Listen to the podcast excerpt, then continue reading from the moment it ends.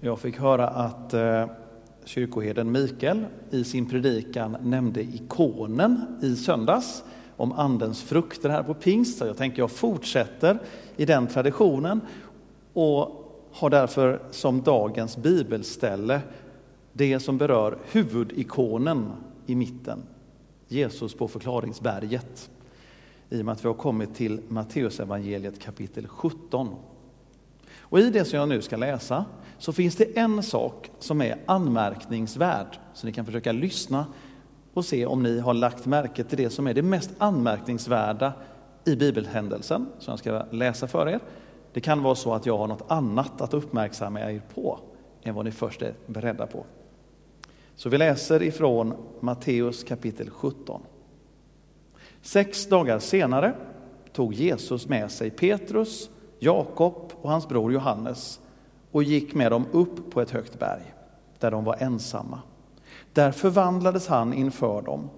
Hans ansikte lyste som solen och hans kläder blev vita som ljuset. Och de såg Mose och Elia stå och samtala med honom. Då sa Petrus till Jesus, Herre, det är bra att vi är med. Om du vill ska jag göra tre hyddor här, en för dig, en för Mose och en för Elia. Medan han ännu talade sänkte sig ett lysande moln över dem. Och ur molnet kom en röst som sa, detta är min älskade son, han är min utvalde. Lyssna till honom. När lärjungarna hörde detta kastade de sig ner med ansiktet mot marken och greps av stor skräck. Jesus gick fram och rörde vid dem och sa, stig upp och var inte rädda. De lyfte blicken och då såg de ingen utom Jesus. När de gick ner från berget sa Jesus åt dem, berätta inte för någon om det ni, det ni nu har sett, förrän Människosonen har uppstått från de döda. Så lyder det heliga evangeliet. Lovad vare du, Kristus. Jesus gick ner från berget. Det är faktiskt det som är det anmärkningsvärda. Det kanske inte var det man tänker på först, men Jesus gick ner ifrån förklaringsberget ihop med lärjungarna. Det är så att livet kan ju ha sina toppar och dalar. Lite beroende på hur man känner det i olika stunder. På engelska så är det ju så att livet har eh, has its ups and downs, sina uppe och nere. Det är ännu bättre på engelska. Det finns uppestunder när livet är som man verkligen önskar att det ska vara. Ni vet när det är fyllt med glädje och lycka och allting faller på plats och man förstår vad som händer och kan se poängen och meningen i allting. Man känner en trygghet med vart livet är på väg. Det är uppestunderna. Sen så vet vi ju smärtsamt nog också att det finns sådana här nerestunder, där nere i dalgången, där det är motgångar och frågetecken och tvivel och osäkerhet, där det präglas av sorg istället för glädje. Så går det upp och så går det ner och vi kan känna igen oss när vi backar tillbaka i livet och ser när var det bra, när var det dåligt. Och så är det klart att vi vet vilket av de här två alternativen där vi trivs bäst. Det är ju rätt givet. Men livet har sina uppe och sina nere. Och det här kan ju gälla tron också. Alltså, vissa stunder har vi ju när det är lätt att tro. När vi har koll på Gud, när vi förstår vad han vill, när vi kan känna oss trygga i tron och i Guds kärlek och omsorg. Och sen så finns det de svåra stunderna, när det är tvivel och tveksamhet. När vi har svårt att förstå Gud, när vi har svårt att våga lita på honom. Och då är det ju så här att apostlarna i vår bibeltext här, de har ju en toppstund med Jesus. De får gå med honom upp på berget och där visar han sig i sin gudomliga makt och härlighet. Guds röst hörs och han presenterar, han förklarar vem Jesus är. Guds älskade son. Men det är ju en rätt skön stund för lärjungarna som de får ha med Jesus på förklaringsberget. Och vi kan ju ha haft sådana stunder. Vi kan få leta tillbaka i minnet lite grann. Att det finns platser där vi har varit vid vissa stunder där det har varit sådär jättelätt att tro. Och så kan vi minnas det och bli uppmuntrade av det. Vi kan åka tillbaka till den platsen och liksom få en del av den känslan. Och vi har nog alla våra egna favoritplatser där vi har varit och dit vi gärna återvänder för att tron på Gud får en ny energikick när vi är där och allt det där gamla får göra sig påmint positivt för oss. Men eh, det är ju så här att ibland så vill vi ta med folk dit också. Jag menar, jag vet vilka platser jag varit på som har gett mig så enormt mycket i tron på Jesus. Jag tar gärna med mig människor dit i en förhoppning om att de ska få uppleva samma sak. Att det finns något där som ska förmedla det. Och det här, den känslan som vi kan känna igen oss i lärjungarna, den är ju en oerhörd kontrast mot det som jag nu inte läste, men som är fortsättningen om man läser vidare i Matteusevangeliets 17 kapitel. För när de väl går ner, då är det så att övriga lärjungarna, de har försökt be för en sjuk och han har inte blivit helad. Och det står att där är det massor med diskussion och frågor och tvivel. Det är ett lätt kaos där nere.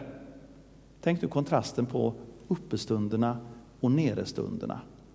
Där nere där de övriga lärjungarna är, där är det svårt att tro. Bönen verkar inte funka. Och människor ifrågasätter dem, vad de, de har sagt en sak och det har inte hänt. Och jag tror vi kan känna igen de tillfällena också. Det är de ställena dit vi inte vill ta med oss våra vänner.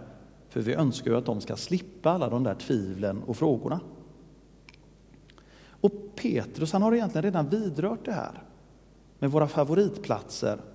För hans spontana reaktion när han är där uppe med Jesus och Mose och Elia, det är att det här är ju jättebra. Jesus, jag vill bygga hyddor här. Och Petrus tänker inte på hyddor åt sig själv. Det är inte för att han vill stanna där. Han säger det till dig Jesus och till Mose och till Elia. För om ni stannar här, om jag fixar en bostad åt er här, så kan jag hämta alla mina vänner och släktingar. Så kan de komma hit upp och så får de möta dig, Jesus, så som jag fått möta dig. Eh, det är ju lite grann den där känslan vi har. Vi vill kunna behålla Jesus i det här fantastiska ögonblicket så att andra får uppleva det. Men det anmärkningsvärda nu som vi skulle lägga märke till är Jesus går med dem ner. Jesus stannar inte på förklaringsberget. Jesus är inte bara låst vid de fantastiska stunderna. Och egentligen så är hans sällskap uppe på berget också exempel på det. Mose var på ett berg på Sinai, ett fantastiskt möte med Gud. Gud ger honom budtavlorna. Gud visar sig i en strålande glans och Mose är på väg ner, fast där nere har folket byggt en guldkalv. De har liksom glömt Gud.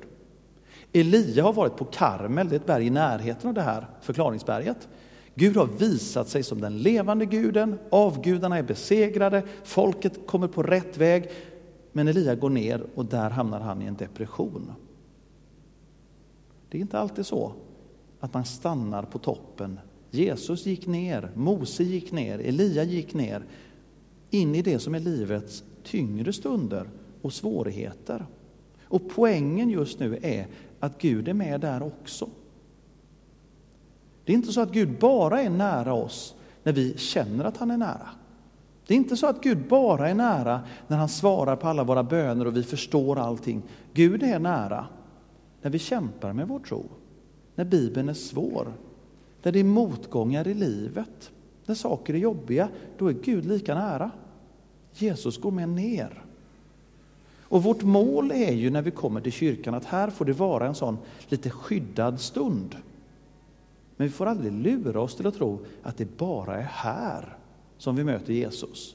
När det är lugn och ro och fantastisk musik och lovsång och en bönegemenskap. Det är inte bara här Jesus är.